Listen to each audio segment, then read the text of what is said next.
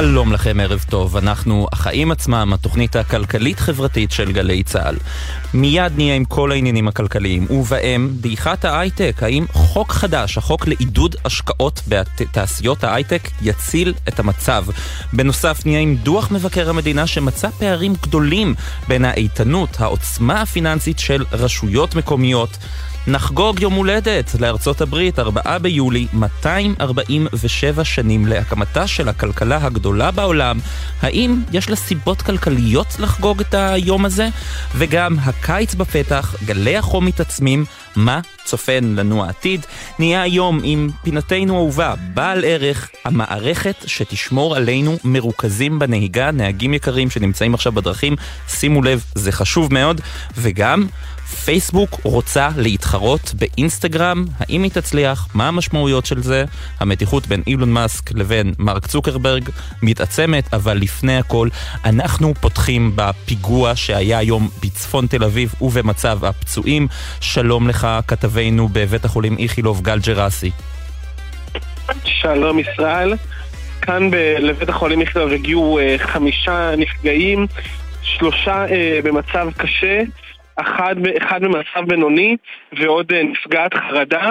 בין הפצועים קשה, אישה אה, מוגדרת במצב קשה מאוד, לא נשקפת סכנה מיידית לחייה, אבל אה, כן, היא לא יצאה מכלל סכנה, ככה מגדירים את כאן בבית החולים, היא, כרגע נמצאת בניתוח שהם מגדירים מורכב מאוד, שלושה צוותים רפואיים מעורבים בניתוח הזה, שני הפצועים הקשים הנוספים, מדובר בעוד שתי נשים, שגם כן נמצאות אה, בניתוח כרגע, ופצוע בינוני עם פציעות אורתופדיות, שגם הוא נותח וכרגע הוא בהתאוששות. הנפגעת חרדה כבר שוחררה אה, לביתה. כן.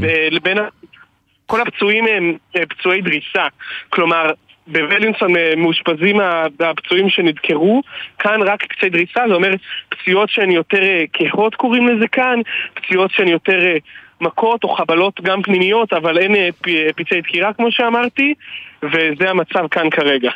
כן, גל ג'רסי, כתבנו בבית החולים איכילוב, תודה רבה לך על הפרטים האלה. חדשות, אה, אפשר להגיד, אה, מעורבות. מצד אחד אין סכנת חיים מיידית לחולים, מצד שני יש... טיפול באישה בהיריון במצב קשה, תודה רבה לך גל ג'רסי. ואנחנו עוברים אל בית החולים בלינסון, יוני זילברמן, כתבנו, אתה נמצא שם.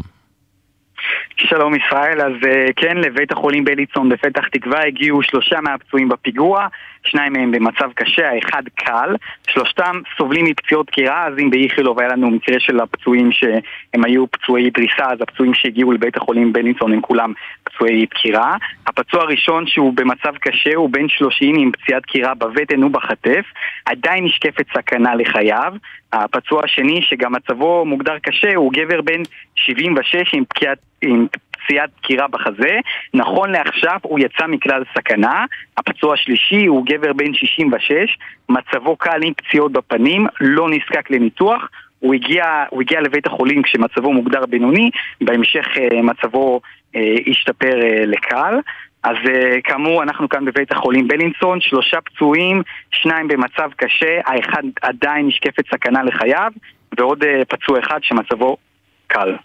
יוני זילברמן, כתבנו בבית החולים בלינסון, תודה רבה לך, וכאן מגלי צה"ל אנחנו נאחל כמובן החלמה מהירה ורפואה שלמה לכל הפצועים והנפגעים בפיגוע הזה.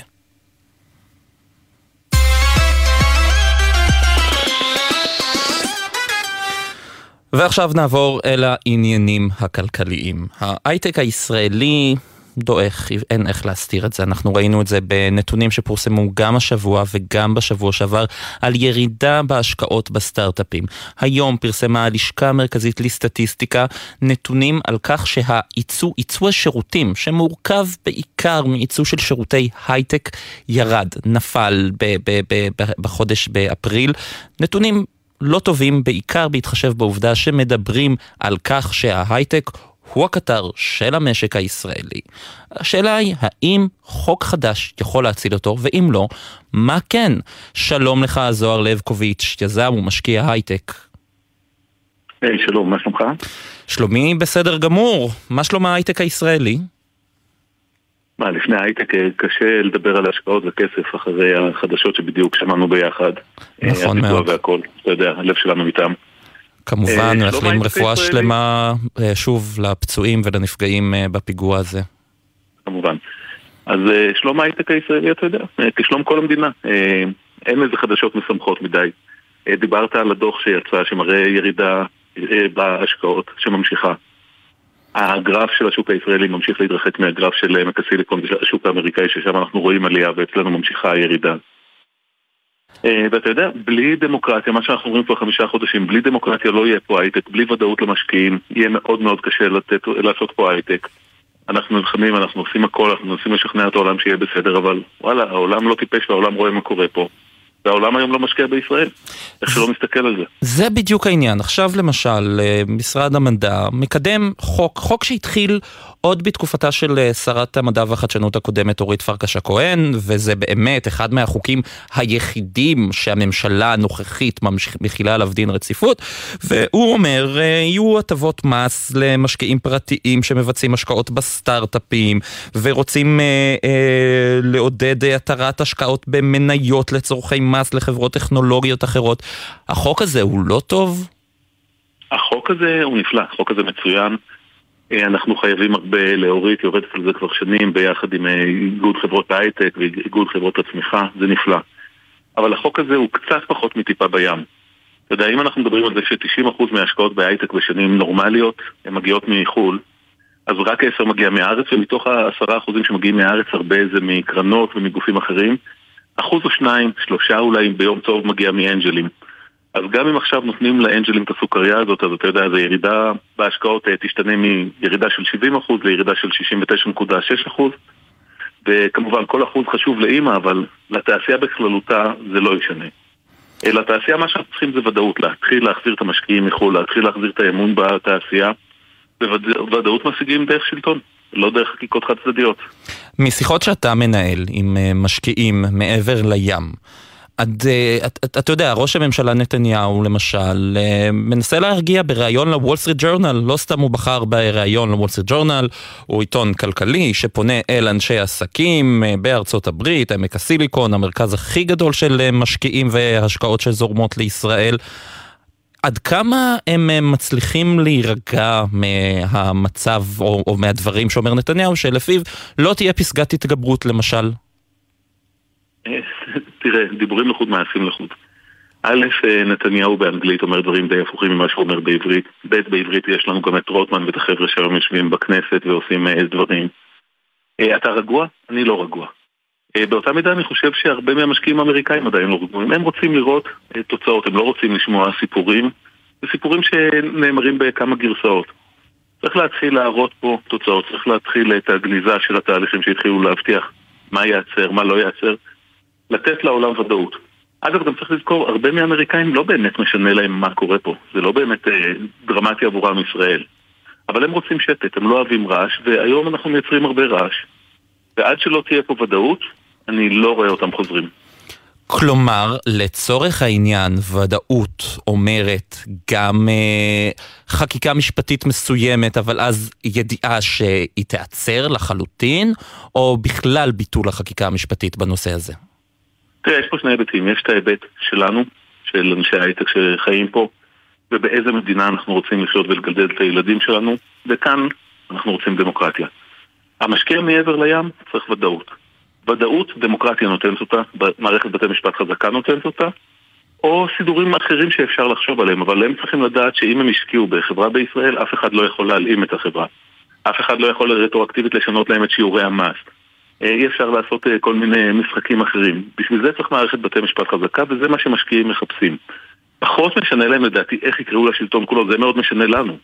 אתה יודע, אם השלטון לא יהיה מתאים, אז לא בטוח שהרבה אנשים ירצו לעשות פה הייטק. אבל המשקיע מחפש ודאות. ודאות משפטית, לדעת שמה ששלו, שלו. נורא פשוט. בהקשר הזה אנחנו משווים למשל את כל הליכי החקיקה המשפטית למה שקורה בפולין, והנה בפולין ראינו לפני כחודש בערך שאינטל, ענקית השבבים, שעובדת גם הרבה מאוד זמן בישראל, הודיעה על הקמת מפעל אה, גדול שם אה, לייצור וניתוח שבבים, לא ברמה של המפעלים של ישראל, זה נכון, אה, אבל הנה היא הולכת למדינה כמו פולין שעליה נמתחה ביקורת רבה גם בגלל הפגיעה הזו בדמוקרטיה. כן, תראה, יצאו הודעות אה, על אינטל בפולין ואינטל בישראל, והודעות יוצאות, בואו בוא נחכה כמה שנראה את הפרקטיקה. האם זה קורה או לא, ואתה יודע מה, הלוואי, הלוואי שאינטל ישקיעו יותר בישראל, הלוואי שכולם ישקיעו יותר בישראל, האינטרס שלנו זה שיהיה פה טוב. אנחנו לא סתם באים לצעוק שיש בעיה. הלוואי והבעיה תיפתר. הלוואי ונוכל לחזור למשרדים שלנו ולעשות הייטק ולא שום דבר אחר. אמ, אבל אתה יודע, אני עוד לא ראיתי את הדברים האלה קורים בפולין, המצב בפולין קצת שונה מהמצב כאן. אבל בוא, הלוואי. עד כמה, למשל, נתונים נוספים שפורסמו היום על ירידה בשכר אה, עובדי ההייטק, ירידה של 8% בשכר עובדי ההייטק באפריל, זו ירידה משמעותית. ענף ההייטק הוא כבר לא, עובדי ההייטק הם כבר לא עובדים בצמרת הרשימה, עובדי הפיננסים עקפו אותם. עד כמה בעיניך אפשר לשייך את זה לאי ודאות שיש במשק הישראלי? אני, נורא קשה להגיד, אני נוטה לחשוב שזה תיקון של השנים שהייתה עלייה בכל השוק והמשכורות קצת חוזרות עכשיו למוטב, לא הייתי מייחס את זה ישירות למה שקורה פה. את הירידה בהיקף ההשקעות, את זה שמשקיעים נמנעים היום מלהגיע לישראל, את זה כן הייתי מייחס למצב הפוליטי, לחוסר ביטחון של, והוודאות. משכורות לדעתי זה ברמת התיקון, וזה בינינו ככה. טוב שזה קצת אה, יתאזן.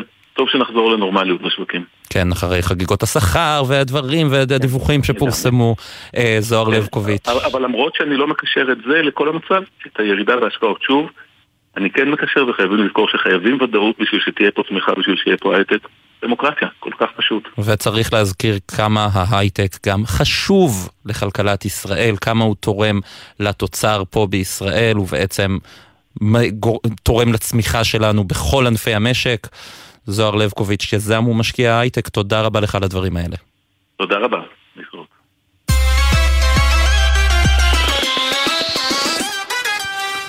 ועוד דברים שפורסמו היום, דוח מבקר המדינה, שבחן את הרשויות המקומיות וגם בין היתר את האיתנות הפיננסית של הרשויות המקומיות. עד כמה הן הרשויות האלה בעצם אה, חזקות ועד כמה יש פערים בין הרשויות, כך למשל, מתוך 256 רשויות אה, אה, אה, מוכרזות שנבחנו על ידי מבקר המדינה, רק 36 רשויות מקומיות הן מוגדרות איתנות, חזקות. אז אנחנו רוצים לפנות אל יניב פרץ, מנהל ביקורת במשרד מבקר המדינה, כדי לשמוע קצת על הממצאים האלה. שלום יניב. ערב טוב ישראל, לך ולמאזינים. ערב טוב. אז מה זה אומר בכלל רשות מקומית עם איתנות פיננסית? מה בחנתם, מה בדקתם אה, בדוח הזה? אז אה, לפני שאני אענה על השאלה, קודם כל נתחיל בלהגדיר מה זה רשות מקומית איתנה. בשנת 2014 אה, החליטה הכנסת לשנות את החוק ולאפשר לבזר סמכויות לרשויות מקומיות בתנאי שהם עומדים במספר תנאים, חלק מהתנאים הם תנאים פיננסיים, אובייקטיביים שנגזרים מהדוחות הכספיים וחלק מהתנאים הם תנאים סובייקטיביים, שזה נושאים של התנהלות על פי דין, כפי ששר הפנים רואה אותה. וכך ב-2014 הכריזו על 24 רשויות מקומיות uh, כאיתנות, עם השנים המספר צמח ל-36. ואנחנו בחנו את כל התהליך, מנגנון ההכרזה של אותן רשויות, uh, הסתכלנו גם על המצב שלהם לעומת רשויות אחרות. במאמר מוסגר, אמנם זה 36 רשויות, אבל צריך להגיד שמבחינת מספר התושבים שמתגוררים שם, מדובר בשליש מתושבי מדינת ישראל. חלק מהרשויות זה תל אביב, אשדוד, רשויות גדולות, חלק גם קטנות כמו מועצה אזורית תמר, שיש בה... שהיא נהנית ממפעלי ים המלח ומכל הפעילות שם שהיא כן, מקבלת uh, הרבה מאוד uh, מיסים והכנסות מהדברים האלה. עכשיו, עד כמה ההשפעה, יש לדברים האלה השפעה על האזרח הפשוט, על תושב הרשויות המקומיות שגר או ברשות מקומית עם איתנות פיננסית או ברשות מקומית שלא מוגדרת ככה?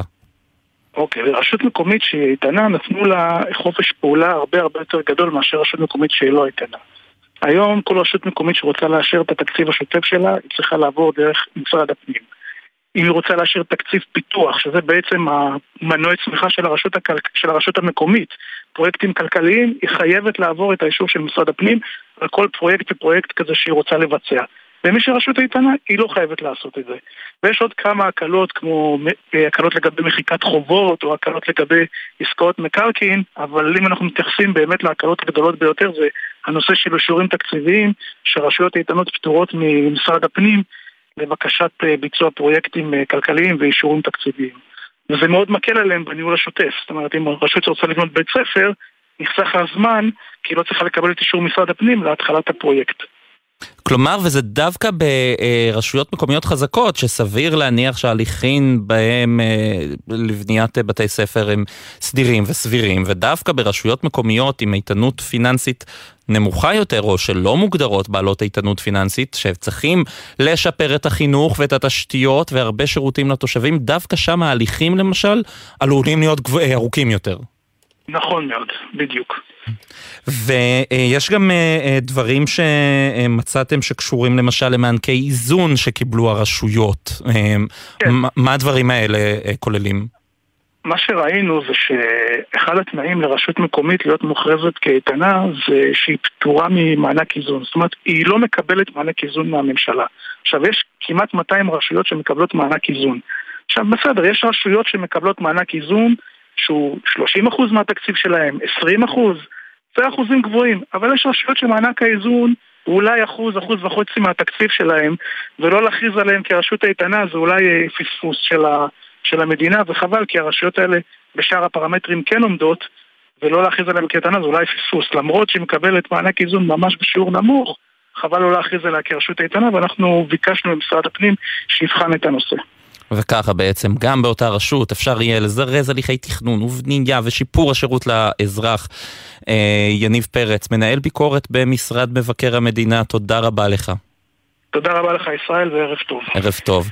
וגם בנושא הזה, כדי לפרש את הדברים האלה ששמענו עכשיו על מצבן של הרשויות המקומיות, נמצא איתנו אריה ברדוגו, רואה חשבון, גזבר עיריית אה, בית שמש ויושב ראש איגוד גזברי הרשויות המקומיות. שלום, ערב טוב.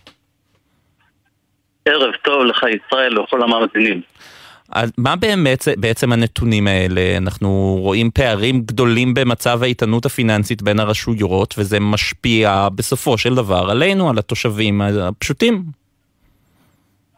בוודאי, בוודאי. א', אני מאוד מעריך את uh, משרד מבקר המדינה, אני מכיר אישית את מבקר המדינה, אני חושב שהוא משקף נכונה את המציאות. עכשיו המציאות היא מורכבת, כי אם רובם לא איתנות, משהו... Uh, שגוי כאן בתבחין. לא יכול להיות ש-36 רשויות איתנות ו-220 לא איתנות. נקודה ראשונה. נקודה שנייה, בהמשך למה שאמר קודמי, יניב. אה, למה מענק איזון הוא פרמטר לרשות איתנה הוא לא? מענק איזון בעצם מהווה השלמת תקציב לרשות שאין לה מקורות עצמיים. איזה תבחין זה? נקודה שלישית שאני רוצה לומר. תושב הוא, הוא מושג גירעוני. כל תושב שנוסף לרשות הוא מייצר גירעון. עכשיו, רשויות שחתמו על הסכמי גג בעצם הוסיפו תושבים, אם הם לא הוסיפו הכנסות אחרות, בעצם הם נכנסו לגירעון. קח לדוגמה את העיר שלי, בית שמש. אנחנו ב-2013 היינו רשות איתנה, כי התבחינים היו אחרים. מאז חתמנו על הסכם גג והוספנו עוד למעלה מ-150 אלף תושבים, ואז בעצם אנחנו לא איתנים. וזה יוצר פשוט עיוות. למה? כי עכשיו אני צריך לעבור במסלול האדום ולא במסלול הירוק. שווה בעצמך ש-220 רשויות עוברות במסלול האדום ולא במסלול הירוק בשדה התעופה. מה היה קורה? וזה מה שקורה. כלומר, יש פקקים בכל מה שקשור כן. לתכנון של, אה, אה, הזכיר את זה נכון, יניב, של נכון, בתי ספר, נכון, של כבישים ושל... לא, אני אתן לך דוגמה פשוטה. בנינו עיר, אני צריך לבנות בית ספר, אני מקבל את התקציב ממשרד החינוך, עד שאני מקבל את התקציב יוצאת לי הנשמה. למה אני צריך ללכת עוד פעם לבקש את אישור משרד הפנים לתקציב בלתי רגיל? מה? למה? כן. הרי קיבלתי את האישור, קיבלתי אישור ממשרד, ממשרד החינוך, אבל כך החוק, כך הנוהל, ואוי ואבוי אם לא תעשה את זה. כי אם לא תעשה את זה, תגיע לחיוב אישי. ובנוסף לזה, אתה אמרת יותר... שכל תושב הוא גירעוני לעירייה, וככה בוודאי, מעודדים בוודאי, את הרשויות המקומיות להקים עסקים במקום יחידות דיור, כשאנחנו נמצאים במשבר דיור נכון. חריף מאוד כאן.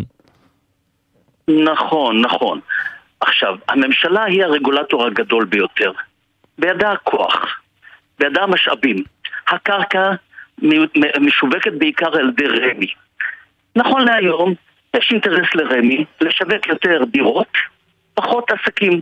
וזה מה שקרה אצלנו בעיר. מה שקרה, בעצם שיווקנו הרבה הרבה דירות, כשהגענו לעסקים, האטנו את הקצב. לא אנחנו האטנו את הקצב, רגולטור האט את הקצב. ואז מה שיוצר, הכניס אותי לעוד יותר גירעונות. ואנחנו חוזרים בחזרה לאותה נקודה. אבל אנחנו... המציאות ש-220 כן. המציאות ש-220 רשויות לא איתנות זה עיוות. ואנחנו רואים, אנחנו נמצאים עכשיו בשנת בחירות ב- ב- ברשויות המקומיות. סביר להניח שההוצאות אה, רק תופחות בתקופה הזו, לא? בדרך כלל בתקופה הזאת יש בה הולד מסוים בקטע של ההכנסות ויותר הוצאות, נכון. יותר הוצאות, יותר פרויקטים. אה, זה מה שקורה בדרך כלל בתקופה הזאת, גם זו תקופה מאתגרת. אנחנו כמעט ארבעה-חמישה חודשים לפני הבחירות, אה, יש הרבה רעש פוליטי מסביב, וזה גורם להאטת הקצב בגדול. כן, ואנחנו צפויים לראות את השנה הנוכחית נגמרת עם גירעונות גבוהים יותר אצל הרשויות המקומיות. אני, אני מעריך שכן, מהסיבה הפשוטה. זו השנה הראשונה שאנחנו חווים אינפלציה. Mm-hmm. רק הזקנים שבאנו זוכרים את האינפלציה, העיריות לא זוכרים למעלה מ-20 שנה אינפלציה של 5, 6, 7 אחוז. אה, מצד שני, הארנונה לא התייקרה, זה המקורות, אלה המקורות של העיריות, הארנונה, ארנונה בעיקר, או מענקי איזון, מענקי איזון לא גדלו, ארנונה לא גדלה, מצד שני ההוצאות גדלו, נחתמו הסכמי שכר אה, נדיבים. ומה משרד הפנים עושה בנושא הזה? משרד הפנים כרגע, אה, אה, אה, אני מתאר לעצמי שהוא, בשיחות שיש לי גם עם המנכ"ל, ובעזרת השם יהיה לי גם עוד מעט עם השר, מנסים לראות איך משנים את המציאות הזאת. האינפלציה לא נקבעה על ידי משרד הפנים. כן. המציאות הזאת לא נקבעה על ידי משרד הפנים. אבל הוא צריך להגיב לה. כן. לא, סליחה, לא שמעתי. הוא צריך להגיב למציאות הזו. בוודאי. צריך להכין תוכנית, תוכנית מגירה, איך מתמודדים. רשויות צריכות להמשיך לתת שירותים. לא, יכולים, לא יכולות להפסיק לתת את השירותים. כשהמקורות קטנים וההוצאות גדלות, אז uh, הרשויות נכנסות לבעיה. והמציאות היא יותר קשה מאשר עד עכשיו. כן. אריה ברדוגו, גזבר עיריית בית שמש ויושב ראש איגוד גזברי הרשויות המקומיות, תודה רבה לך. תודה רבה.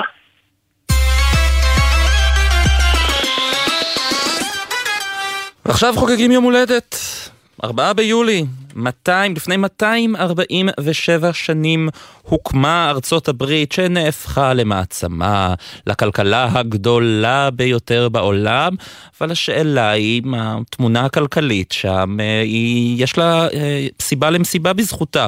שלום לך, פרופסור ערן ישיב, פרופסור לכלכלה באוניברסיטת תל אביב, ערב טוב. שלום, ערב טוב. אז מה, יש להם סיבה לחגוג? נראה ששוק התעסוקה שם במצב טוב, הבורסה עולה מתחילת השנה בשיעורים נעים, המצב טוב, לא?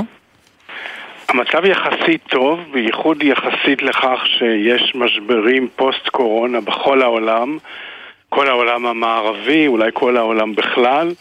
יש אתגרים מאוד גדולים, וארצות הברית, אני חושב שתחת הנהגתו של ביידן ותחת שרת האוצר ילן, יחסית מבצעים ביצועים טובים, מנהלים מדיניות טובה. עד כמה הנושא הזה, אתה יודע, יש את האמרה הידועה של אה, ביל קלינטון, זו הכלכלה טמבל, אה, שמשפיעה מאוד על הבחירות. עד כמה האזרח האמריקאי הרי בסופו של דבר רואה שהכלכלה בסדר, אבל הוא רואה שיש אינפלציה גבוהה, הוא מאשים בזה את הנשיא, את הממשל. עד כמה יש יכולת אה, להסביר לו את זה, שדווקא בהתחשב בנתונים האלה, הביצועים בסדר גמור? נכון, זאת שאלה מאוד במקום, והיא תהיה מרכזית בנובמבר 24, שיהיו הבחירות לנשיאות, והשאלה הגדולה היא מה תהיה שיעור האינפלציה אז, קצת לפני זה, מה יהיה חזוי קדימה באותה עת, ולא קל להסביר לאזרח הפשוט נקרא לזה כך, אה, את אה, תוואי דינמיקה באינפלציה, מה גם שהיא התגלתה כמסובכת בשנתיים האחרונות. גם כלכלנים מנוסים וותיקים מתקשים להבין את הדינמיקה הזאת, קל וחומר האזרח הפשוט. אני מקווה שלא ייחסו יותר מדי לביידן, ואני, גם כל הסימנים הם שהאינפלציה בארצות הברית במגמת ירידה, בוודאי יותר ממה שקורה בבריטניה וגוש היורו, אז יש סיכוי לא רע להגיע לאזור נובמבר 24 במצב הרבה יותר טוב, אבל זאת שאלה פתוחה. זהו, אנחנו ראינו גם שמדיניות הריבית, אחרי העלאות ריבית רצופות, דווקא בפעם האחרונה הבנק הפדרלי בארצות הברית קצת בלם את עצמו, ובעצם... הוא הפך למדד עולמי, כולם מסתכלים עליו, איך הוא מתנהג, מה הוא עושה, גם אנחנו פה בישראל. עד, אז, אז עד כמה המדיניות שלו בעיניך כיום היא אחראית אה, כלפי המצב הכלכלי? כן, אה, אתה מדבר פה על נקודה סופר חשובה, וזה שהפד הוא מוביל עולמי בתחום של מדיניות מוניטרית. בנק ישראל למשל, מתחילת משבר הקורונה, משפרצה המגפה, הולך ממש צעד אחר צעד אחרי הפד, אה, קורלציה של כמעט אחד בין אה, מתאם של אחד בין החלטות הריבית של בנק ישראל להחלטות הריבית של הפד, במובן של הכיוון ושל אה, מהירות התגובה, והפד מאוד שונה בהישגים שלו על פני התקופה הזאת. למעשה בשנת 21 ועוד יותר מזה ב-22, בתחילת 22 הוא נרדם, נרדם בשמירה ופספס את הדינמיקה שאמרתי קודם שהיא לא פשוטה של עליית האינפלציה, התעורר מאוחר מדי, התלבט, התעכב, התעכב הרבה יותר מדי מאוחר ורק ברבעון הראשון של 2022 התחיל להעלות את הריבית. אבל מישהו התעורר, הוא עושה את זה בקצב יפה וגם יחסית לבנקים המרכזיים האחרים בעולם המערבי הצליח להוריד את האינפלציה יותר מהר ובצורה יותר ברורה מאשר אה, אה, למשל הבנק המרכזי האירופי או הבנק המרכזי של אנגליה. אז כיום מדיניות הפד נראית שקולה ואחראית. הוא הכריז על אה, אי העלאה בפגישה האחרונה, אבל כרגע כל השוק, כולל אנשי הפד, מדברים על עוד שתי העלאות בעתיד הנראה לעין, משום שהאינפלציה לא נראית אה, שהיא קיבלה מספיק על הראש, אם אפשר להגיד ככה, ויש רצון לפעול בנחישות אה, יותר גדולה, או להמשיך בנחישות, וזה בעיניי כן צעדים אחראיים ונכונים, ואני מניח שהם ימשיכו לשמש דוגמה לשאר הבנקים המרכזיים בעולם המערבי. פרופסור ערן ישיב מאוניברסיטת תל אביב, מה נאחל הברית? מזל טוב והמשך שגשוג, כי אנחנו תלויים בה הרבה מאוד, נכון? אה, כן, אני מאחל, אה, אבל אה, משהו לישראל. אני מאחל לישראל שלא, בהקשר של ארצות הברית, שהיא לא תלמד מארצות הברית רק איך אה, ללכת בעקבות הפד, אלא שהיא תלמד מארצות הברית איך לנהל מדיניות כלכלית נבונה ואחראית ואיך לנהל ולקיים משטר דמוקרטי. כן, חשוב מאוד. תודה רבה לך, פרופסור ערן ישיב. תודה לכם. אנחנו נשארים בארצות הברית, אבל רוצים קצת לקלקל את המסיבה. חגיגות בארצות הברית בצל אירועי ירי המוניים שם בימים האחרונים כל הזמן. תעשיית הנשק בארצות הברית היא תעשייה ענקית עם סכומים מטורפים שהחברות מכניסות שם כל שנה. ברק בטש, כתב חדשות החוץ, לך יש את כל המספרים, הנתונים והדיווחים בנושא הזה. שלום, ערב טוב.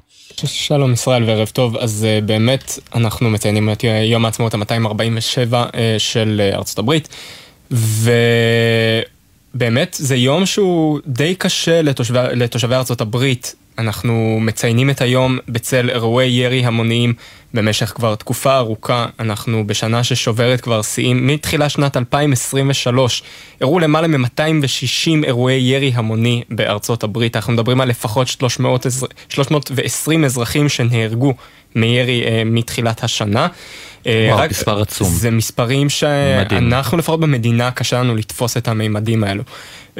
ולא רק זה, אנחנו כבר, כבר הלילה אנחנו נכנסים לחגיגות יום העצמאות, הפרשי השעות, כבר הלילה בפילדלפיה היה גם אירוע ירי נוסף, ארבעה, סליחה, זה כבר חמישה אזרחים שנהרגו באירוע ירי בפילדלפיה, שני ילדים נפצעו בנוסף. באמת, תעשיית הנשק בארצות הברית היא נושא מאוד שנוי במחלוקת, אנחנו מדברים על קהילה לא קטנה שתומכת ומאוד בעד השוק החופשי הזה של נשקים.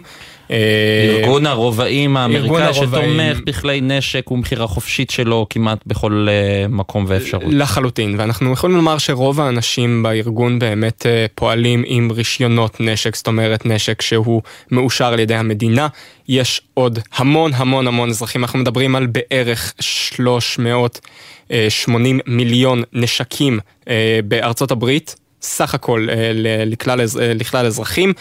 מתוכם בערך שישה מיליון עם נשק, זאת אומרת אנחנו מדברים פה על מספרים מאוד מאוד נמוכים. שישה מיליון עם רישיון. עם רישיון לנשק, כן, זה רישיון. מספרים לא הגיוניים.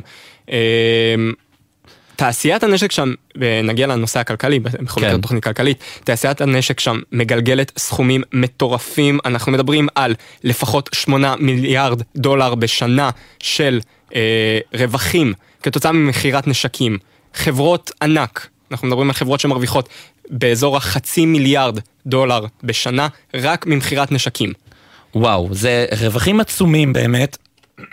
ולכן ברור גם למה בעצם יש אה, לובי כל כך חזק של ארגון איגוד הרובעים הזה בארצות הברית לעידוד אה, מכירה של אה, כלי נשק. יש לומר שיש הבדל בין החזקת כלי נשק בין מי שמורשה ועבר אימון והדרכה לכך, לבין מי שיכול לקנות פשוט כלי נשק ב- ב- ב- בסופר אפילו במקומות מסוימים בארצות הברית. נכון. וככה בעצם השוק הזה פרוץ ואין מידע על מי מחזיק ואיך אפשר לאכוף את התחום הזה. רק נוסיף אה, גם שממש בדקות האחרונות, אה, אה, הבית הלבן מוציא הודעה של הנשיא ביידן, שאומר שהוא קורא לרפובליקנים לשוב לשולחן ולדון ברפורמות בשוק הנשק. זאת אומרת, אנחנו יודעים שיש דיון וויכוחים בין הדמוקרטים לבין הרפובליקנים בארצות הברית על מה המהות של אמריקה חופשית ומה זה אומר לגבי תעשיית הנשק ומה זה אומר האם כל אזרח יכול להחזיק נשק או לא. אה, אנחנו יודעים שארצות הברית מאז עוד אה, האירועים של 9-11 אה, סובלת מאיזושהי טראומה מפיגועים, גם אצלנו בארץ זה קיים. הם... אצלנו בארץ ראינו היום שאדם עם רישיון. זה בדיוק ההבדל, שאדם עם רישיון והדרכה ויכולת עצר את המפגע, בארצות הברית המצב שונה לחלוטין. נכון, בארצות הברית זה אנשים שהנשק לא היה אמור להגיע להם מההתחלה, ומוצאים עצמם ברחובות ופשוט יורים בכל עובר אורח. זה מצב קיים, זה מצב נתון. אין, הם מנסים להביא רפורמות, אבל זה לא ממש הולך. זה ככה כבר uh, שנים. אה, גם שנה שעברה ביום העצמאות האמריקני בפורט אוף ג'ולי היה לנו את אותו אירוע, אה, אירוע ירי המוני בשיקגו, אה, שבעה הרוגים, אנחנו במצב... אתה יודע, כן. משתדלים לחגוג. משתדלים לחגוג, אבל אירועי הירי שם הם מעיבים על החגיגות. ברק בטש כתב חדשות החוץ. תודה רבה לך. תודה לך, ישראל. כמה הודעות ומיד גלי החום מתעצמים מה יהיה בעתיד, וגם נהגים יקרים, שימו לב, שימו עין על הכבישים, אבל בכל מקרה... יש מערכת חדשה שיכולה להציל את חייהם, מיד חוזרים.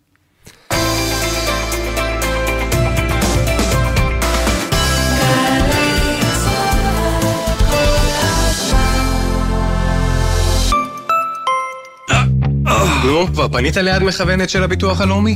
כדי לקבל עזרה בוועדה הרפואית? שהביטוח הלאומי יעזרו לי להוציא את המקסימום מהביטוח הלאומי? מה ההיגיון? זה כמו ששוער יעזור לקבוצה היריבה להבקיע. זה כמו שגוליית יגיד לדוד לאן לכוון. זה כמו שזה... זה כמו, זה כמו, אבל זה בדיוק מה שזה. כדי להוציא את המקסימום מהביטוח הלאומי, צריך את הביטוח הלאומי, שמכיר הכי טוב את הוועדות הרפואיות ומכין אתכם עליהן חינם, כדי שתוכלו לקבל את מה שמגיע לכם. לפרטים חפשו יד מכוונת או התקשרו כוכבית 2496, כפוף לתנאי השירות. ימים אחרונים למבצע סוזוקי, לעמיתי מועדון חבר. הנחות ייחודיות על דגמי סוזוקי, אסקרוס, ויטרה, איגניס, סוויפט וג'ימיני. פרטים באתר מועדון חבר, או חייגו כוכבי 9955 עד 7 ביולי. חבר זה הכל בשבילך, חבר. פברואר 2010 דניאל יובל ומשפחתו יוצאים לטייל. עשינו קרב כדורי שלג, אבא שלי אמר לי בואו נרד למטה, ואז אמרתי לו נשאר עוד חמש דקות, ואז ממש צעד אחרי שאמרתי את זה אז דרכתי על מוקש. ראיתי שנקטעה לי הרגל, ואז אבא שלי הרים אותי, שאלתי אותו אם זה חלום רע מה שקרה. הרשות לפינוי מוקשים פועלת להסרת שדות המוקשים כדי שתאונה שכזו לא תישנה. מטיילים בטוח, מוגש מטעם הרשות לפינוי מוקשים במשרד הביטחון.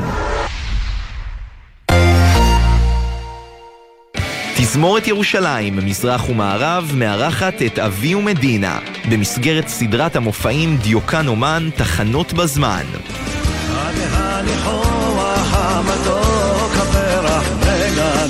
קונצרט מיוחד עם מיטב הלהיטים מכל השנים, בניצוח מתן יונה. הערב בשמונה וחצי, היכל התרבות בית שמש, ובקרוב בגלי צה"ל. עכשיו בגלי צה"ל, ישראל פישר עם החיים עצמם. חזרנו אליכם, חם, חם בחוץ, יולי, החום הרגיל, די קבוע. אבל הנזקים של החום הזה רק ילכו ויתעצמו בשנים הקרובות, ויש מה לעשות, אני, אפשר להגיד שיש מה לעשות, אה, לפחות כדי להיערך לנזקים האלה שבאים, אבל קודם כל נשמע קצת חדשות, אה, לא יודע, תשפטו בעצמכם אם הן טובות או לא טובות. פרופסור נוגה קרונפלד שור, המדענית הראשית במשרד להגנת הסביבה, שלום לך, ערב טוב. שלום רב, ערב טוב. נו, אז מה יהיה? אנחנו צריכים להיות פסימיים? אה, אסור להיות פסימיים, כי זה מוביל לחוסר אה, פעולה, אנחנו חייבים להיות אופטימיים, אה, לנסות מצד אחד להפחית פליטות של גזי חממה, ומצד שני להיערך לעלייה בטמפרטורה, לעלייה באירועי קיצון, עד שנצליח להוריד את הטמפרטורה הממוצעת של כדור הארץ, אבל כל מי שעוסק בסביבה חייב להיות אופטימי, אחרת זה קשה מאוד לפעול. זהו, אז מיד נדבר על כמה תרחישים, אבל למשל, אחד התרחישים שבהיכרותי עם המשרד להגנת הסביבה, ויש לי היכרות מסוימת כשדיברתי עם אנשיו איתכם כמה פעמים, אחד התרחישים הוא לעלייה במפלס אה, פני הים. עד כמה אנחנו, עד כמה זה משהו שמדאיג, עד כמה זה משהו ממשי? Uh, לצערנו זה ממשי מאוד ומדאיג מאוד. הקצב הוא יחסית קצב איטי, זה לא אירוע חדשותי, כי זה לא כמו uh, סופה קיצונית, הצפות או שריפות, אלא משהו שקורה לאט לאט, אירוע זוחל. אבל אנחנו רואים שגובה פני הים עולה, זה גורם לזה שרצועת החוף שלנו נעשית יותר צרה, גורם לפגיעה במצוקי החוף. אה, ולאורך זמן העלייה בגובה פני הים אה, תהיה משמעותית ותתחיל לפגוע ולהציף אה, גם תשתיות, גם אזורי מגורים, אולי אפילו תגיע לאקוויפר החוף ותמליח אותו. וצריך לזכור שגם כשעלייה בגובה פני הים היא לא מאוד משמעותית, ברגע שיש לנו סערה והסערות הופכות להיות קיצוניות יותר, אז אנחנו רואים שהגלים אה, גבוהים יותר, מגיעים רחוק יותר, אה, זה, זה הופך להיות חזק יותר גם בגלל העלייה בגובה פני הים וגם בגלל העלייה ב... באירועי קיצון. ויש לכך כמובן השלכות כלכליות, אבל דיברנו על נכון. אירועי קיצון. יש, ערכתם מחקר למשל על השפעה של גלי חום על, עלינו, ואנחנו רואים שיש גלי חום נהפכים לאירועי קיצון שלהם ארוכים יותר וחמים יותר. מה, מה, מה ההשפעה של זה עלינו? מה אנחנו יכולים ללמוד מאיך אנחנו מתמודדים עם זה? אז, אז, אז קודם כל זה נכון, אה, אה, אנחנו רואים אה, לאורך זמן שטמפרטורות קיצון נשברות, אנחנו עדים לטמפרטורות קיצוניות יותר ויותר, גבוהות יותר ויותר, וגלי החום הופכים להיות גם יותר ארוכים, גם יותר גלי חום וגם הטמפרטורה אה, יותר גבוהה אה, וזה גורם לעומס חום שהוא משליך אה, גם עלינו כבני אדם, אבל גם על הסביבה, גם על החקלאות. אנחנו בשנה שעברה למשל קיימנו מחקר בשיתוף עם אוניברסיטת תל אביב שבו בחנו בשימוש במודלים שפותחו לבדיקה של תמותה עודפת בקורונה אה, האם יש לנו תמותה עודפת במהלך גלי חום? לקחנו את גלי החום שהיו במהלך 12 השנים האחרונות מהשירות המטאורולוגי, מה שהוגדר כגל חום קיצוני. ומצאנו שבממוצע בכל גל חום בישראל יש לנו תמותה עודפת של כ-50 בני אדם, היו גם אירועים קיצוניים שבהם היו אה, יותר מ-100 בני אדם. ש... רגע, חייבים. לחזור על הנתונים האלה.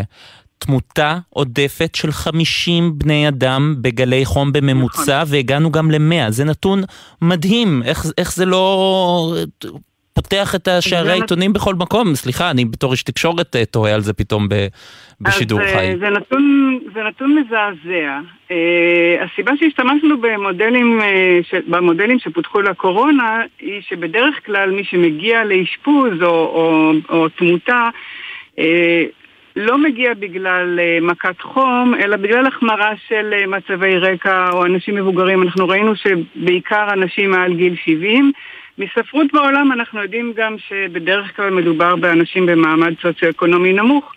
אה, שסובלים למשל מעוני אנרגטי ולכן או שאין להם מזגן או רק זהו, בדיוק נסביר עוני אנרגטי, אנשים שלא יכולים להרשות לעצמם לפעמים להדליק מזגן כדי לצנן נכון. את הגוף, יש השפעות פיזיולוגיות חמורות מאוד לאותם גלי חום, אה, או אנשים שבכלל אין להם מזגן. נכון.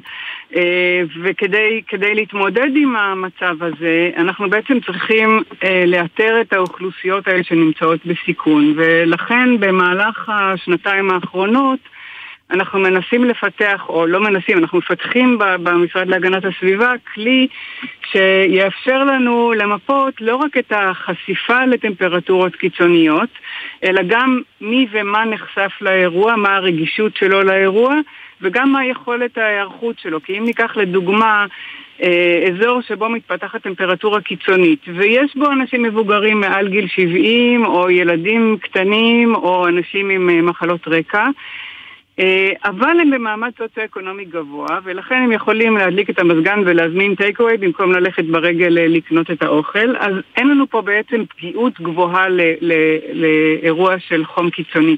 לעומת זאת, אם הם במעמד סוציו-אקונומי נמוך, וסובלים מעוני אנרגטי, אנחנו מדברים פה על רמת פגיעות מאוד מאוד גבוהה, ובאזורים האלה אנחנו חייבים למצוא פתרונות. קודם כל לזהות אותם, למקד את, ה, את הפעולות שלנו, ובאזורים האלה למצוא פתרונות. אחד הפתרונות ששמעתי אחד... למשל זה מרכזי קירור ממש, מין מתנסים בדיוק. כאלה שאפשר יהיה להכניס אליהם אנשים שיוכלו להתקרר, לעשות חוגים וכולי.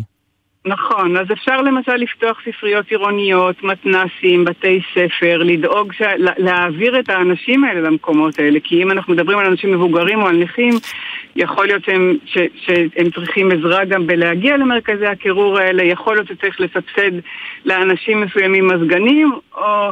אה, או לסבסד להם את חשבון החשמל כשאנחנו יודעים שעומד להיות גל חום ובטווח הארוך אנחנו צריכים לדאוג לקירור והצללה של האזורים האלו שבהם מתפתחות טמפרטורות קיצוניות למשל על ידי נטיעה של עצים, בנייה ירוקה, גגות ירוקים, אה, הצללה באמצעות פאנלים סולאריים ולמצוא פתרונות שבעצם יקטינו גם את החשיפה לאורך זמן.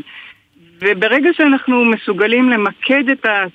פגיעות, את האזורים עם פגיעות גבוהה ולהגיד אלו האזורים שבהם אנחנו צריכים לטפל, הדבר הזה הופך להיות הרבה יותר אה, אה, קל לניהול.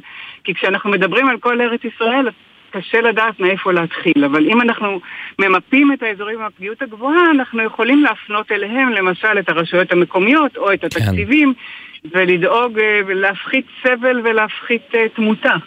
כן, וככה זה ממש מציל חיים, ושלא לדבר על הערך הכלכלי. פרופסור אה, נוגה קרונפלד שור, מדענית הראשית במשרד להגנת הסביבה, תודה רבה לך, היה מרתק. תודה רבה.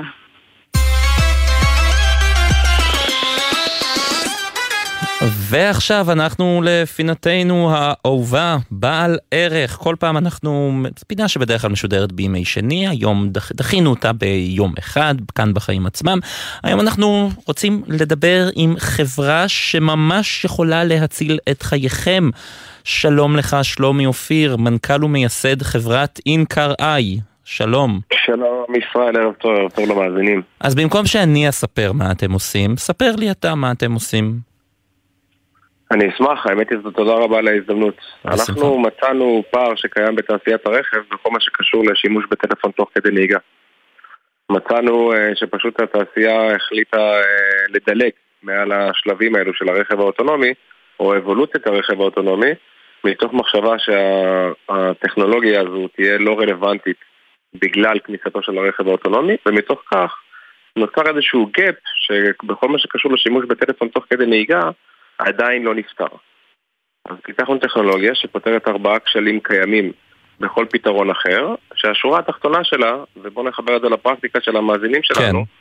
שאם נהג ייגע בטלפון תוך כדי נהיגה, המערכת תזהה אותו באופן אוטומטי. ואז מה היא עושה? תצפצף בתוך הרכב, כמו ששכחתי חגורה, כמו שסטיתי מנתיב, ובאופן הזה אנחנו בעצם עושים שני דברים. אחד, אנחנו מגבירים את המודעות של הנהג, כי אנחנו טוענים שהשימוש בטלפון תוך כדי נהיגה הוא, הוא נעשה באמת מתוך הסחת דעת ולא מתוך uh, כוונת זדון. Mm-hmm. זה יותר חזק מאיתנו מה שנקרא. אז זה הדבר הראשון שאנחנו עושים, מצפצפים, אבל הדבר שאנחנו עושים בנוסף לצפצוף, אנחנו מאמנים את הנהג. ופה בואו נתחבר רגע לפעם הראשונה שכל אחד מאיתנו עלה לרכב שבו מותקנת מערכת מובילאיי. נכון, זה פעם הראשונה זה הלחיץ אותי. בדיוק, ושמענו צפצוף כל עשר שניות, כל עשרים שניות. כן. עכשיו אני שומר מרחק, וכל פעם שאני עובר נתיב אני אה, דואג לאותת, כי סתם כדי לא לקבל את אותה אה, מחווה שלילית, נגיד את זה, של הצפצוף. בדיוק ככה. אנחנו בונים על אותה מתודולוגיה, אה, שכרגע תיארת אותה, וזה מה שאנחנו נעשה. אנחנו נמשיך ונאמן את הנהג מתוך מטרה שהוא יחדול מהפעילות הזו. אה, ודבר נוסף שאנחנו עושים במקביל, במידה ואותו נהג אה, בחר להתעלם מזה, אה, אז אנחנו רוצים להתריע על הסביבה הקרובה, שזה נהגים והולכי רגל בקרבת אותו כלי שכרגע הנהג מוסך את דעתו. ואני אתן דוגמה, אם אתה נוסע באיילון ואתה בטח מכיר את זה, שאתה רואה משאית מזגזגת בין נתיבים, כן. ידוע לנו מה הסיבה שהיא מזגזגת. אז בהקשר הזה היינו רוצים לספק לך פידבק כנהג שנוסע מאחורי אותה משאית, אה, בדמות של ארבע וינקרים, בהבהוב שהוא יהיה תקן, שאתה תדע שברגע שההבהוב הזה מתקבל, שניים קצרים, אחד ארוך או כל דבר אחר, אה, אתה תדע לשמור מרחק. כי אני, כי אני יודע שהנהג הזה לא מרוכז. איפה כיום אה, עומד הפרויקט הזה, המיזם הזה שאתם מקדמים, שהחברה שלכם מקדמת? אז אנחנו התאגדנו באופן רשמי בנובמבר האחרון, כשאני אומר התאגדנו, אני מתכוון למפקד משטרת התנועה הקודם אילן מור, אה, ראש מדור בטיחות בדרכים בצה"ל הקודם זוהר רז. אה, כלומר, אנשים שמכירים טוב את המטריה הזו של הסכנות בכבישים. כן, וגם מכירים טוב את הרגולציה, עופר עיני, אה, שהוא היה יושב ראש ההסתדרות הקודם וכיום הוא עוזר לנו בכל מה שקשור לקשרי ממשל ועבודה מול חברות הביטוח ורגולציה, יש איתנו עוד אנשי פיתוח בעולם האלגוריתמיקה שמפתחים את המערכת, אנחנו כרגע פיתחנו את האב טיפוס הראשון, ההתקנה אה, אתמול אה, בשעה טובה בוצעה בהצלחה ברכב של אה, ניצב משנה אילן מור, mm. שהוא לשעבר מפקד משטרת התנועה הקודם. כן. ואנחנו כרגע בתהליכים מול כמה חברות, גם בארץ וגם בחו"ל, לבצע איתם הסכמים על פיילוטים. המטרה הראשונה שלנו היא לאסוף דאטה שתאפשר לנו לדייק את המערכת שלנו. ואז תוכלו גם להציל חיים עם המערכת הזו.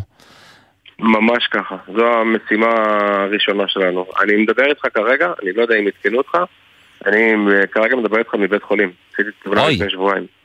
וואו. כן. אז אה, אתה חווית על בשרך את הסכנות בכבישים, אפשר אה, כן, להגיד. ממש ככה, ממש. אני רוכב אופנוע וכל פעם אה, אני נזהר, נזהר, נזהר, אבל גם אותי זה תפס. כן. וזה קרוב לליבי הנושא הזה, קרוב לליבנו, לכל אחד מאיתנו יש סיפור קרוב בהקשר הזה, ואנחנו באמת באים לעשות פה שינוי. כן.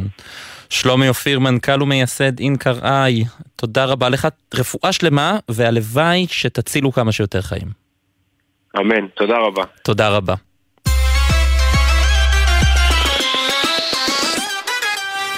ועכשיו פייסבוק וטוויטר או צוקרברג ואילון מאסק, המערכה מי יודע כמה.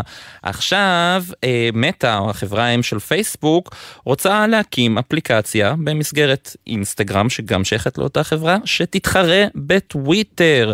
שלום לך אורי, אורי אליאבייב, יועץ בתחום הבינה המלאכותית, ערב טוב.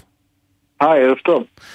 אז מה הסיכוי פה בעצם של פייסבוק להתחרות בטוויטר? מה הם בעצם מציעים שהוא שונה וחדשני שיגרום לאנשים לעזוב את uh, טוויטר? אני חושב שהבשורה אולי הכי גדולה זה יציבות, כי מי שמשתמש בטוויטר לאחרונה יודע עד כמה יש שם באגים, בעיות, לאחרונה הגדילו את מספר הציוצים שאתה יכול לקרוא ביום. אני חושב שמטא, כלומר פייסבוק, מזהים את ההזדמנות ופשוט רוצים אה, להשיק מוצר חדש מתחרה שיעבוד. ואנחנו באמת, דיברת על החוסר יציבות עכשיו אה, בטוויטר, יש את כל ההגבלות האלה ש, שאילון מאסק התחיל, של מספר הציוצים שניתן לצפות בהם, והוויה כן וי כחול, בלי וי כחול, עד כמה לדעתך זה יכול להשפיע פה, או לשחק לטובת פייסבוק במקרה הזה? אז אני חושב שכל הדברים האלה בעצם הם קרקע פוריה לפייסבוק לבוא ולהשיק מוצר שהוא חינמי, שאין עכשיו איזה השקעה של 44 מיליארד דולר שצריך להחזיר ולמצוא דרכים יצירתיות לעשות כסף. אה, מטא, אתה יודע, מצטיינת בלהרים אופרציות כאלה ולאחר מכן להבין איך היא יכולה לעשות מהם כסף. אני חושב שיש פה הזדמנות מאוד טובה וגם, שים לב, כמו שאמרת בהתחלה, זה המשך ישיר של אינסטגרם. זה בעצם סוג של יכולת לאפשר לי גם לכתוב טקסטים ולא רק להעלות תמונות. כן, ואז פה בעצם זה, זה היתרון הגדול ש, ש, ש, שיש פה אה, לחברה הזו. לסיום, האם בעיניך לאילון מאסק יש ממה לפחד במקרה הזה? אני חושב שכן, כי בגלל שהם מגיעים עם כל המשתמשים שלהם באינסטגרם, אנשים עוד ירצו לעשות אה, כהמשך ישיר. מנגד, אף פעם לא ראינו אפליקציה חדשה stand alone שעומדת, בכל פעם שמטה הצליחה זה היה feature בתוך האפליקציה, כמו ה stories ודברים כאלה. אז אין לזה יותר מדי תקדימים, תקדימים לאפליקציה חדשה, אבל אולי אפשר לדעת. אורלי אבייב, יועץ בתחום הבינה המלאכותית, תודה רבה לך. תודה. ועכשיו, ממש לפני סיום, אני רוצה לדבר קצת עלינו, על האנשים הפשוטים, על מה שאנחנו מרוויחים, על איך שאנחנו אה, משלמים בסופר. אז הנה, היום הלשכה המרכזית לסטטיסטיקה פרסמה נתונים חדשים על השכר הממוצע באפריל 2023. על הנייר, המקול טוב ומשמח, עלייה של 4% ו-7 עשיריות בשכר הממוצע בחודש אפריל השנה לעומת אפריל 2022. 12,622 שקלים חדשים, זה השכר הממוצע לשכירים פה במשק. אבל, וזה אבל גדול, אם מחשבים את זה ביחס לעליית המחירים בכלל בשוק, מתברר שהשכר הממוצע שלנו בכלל נשחק. השכר הממוצע שלנו ירד, נשחק בשתי עשיריות האחוז באפריל השנה לעומת אפריל השנה שעברה, והיה בעצם, לפי העליות מחירים, עשרת אלפים שמונה מאות שבעים וארבעה שקלים. אז מקבלי ההחלטות, אנחנו כאן האנשים הפשוטים, תגדילו את המאמצים שלכם במלחמה ביוקר המחיה, כי בינתיים אנחנו קוראים תחת הנטל.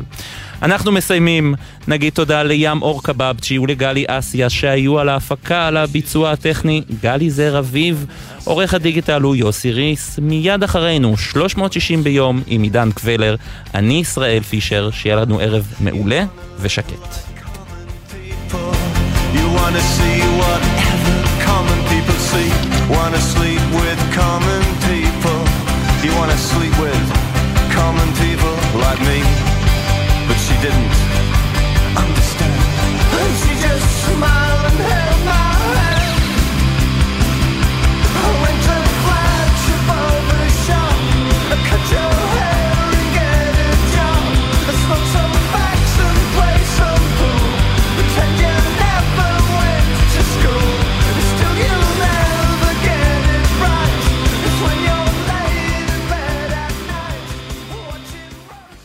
בחסות שטיינר, המציעה מכשירי שמיעה עמידים למים, נטענים ומתחברים למגוון טלפונים חכמים. שטיינר, כוכבית 6967. בחסות אוטודיפו, המציעה מצברים לרכב עד השעה תשע בערב בסניפי הרשת, כולל התקנה חינם. כי כדי להחליף מצבר, לא צריך להחליף לשעות עבודה יותר נוחות. אוטודיפו. בחסות אייס, המציע לכם מאוורר מגדל דיגיטלי מסתובב עם שלט שבמבצע ב-199 שקלים, רגע לפני שתדבקו לספה. קיץ באייס.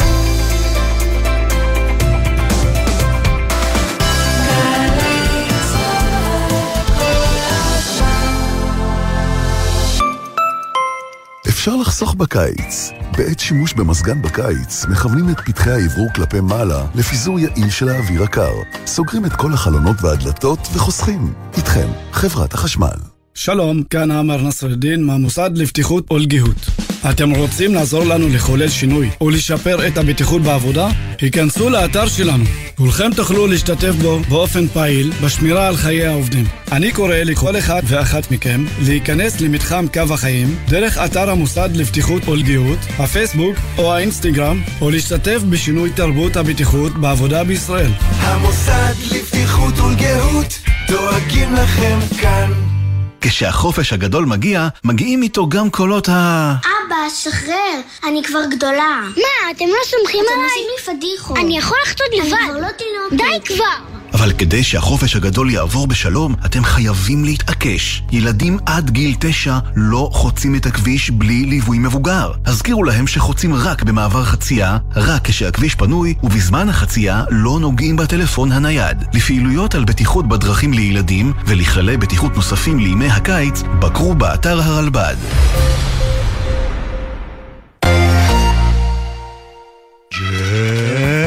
ג'ם, ג'ם, ג'ם, ג'ם, ג'ם, ג'ם, ג'ם, הג'ם, ג'ם, ג'ם, ג'ם, ג'ם, ג'ם, ג'ם. הג'ם של קוטנר. בכל חמישי יואב קוטנר מארח את האומנים הכי מעניינים להופעה חיה באולפן. והשבוע רבע לאפריקה ורוני בר הדס. הג'ם של קוטנר, עכשיו ביוטיוב של גלגלצ. וביום חמישי בשתיים בצהריים בשידור בגלי צה"ל. yeah. מיד אחרי החדשות, עידן קבלר.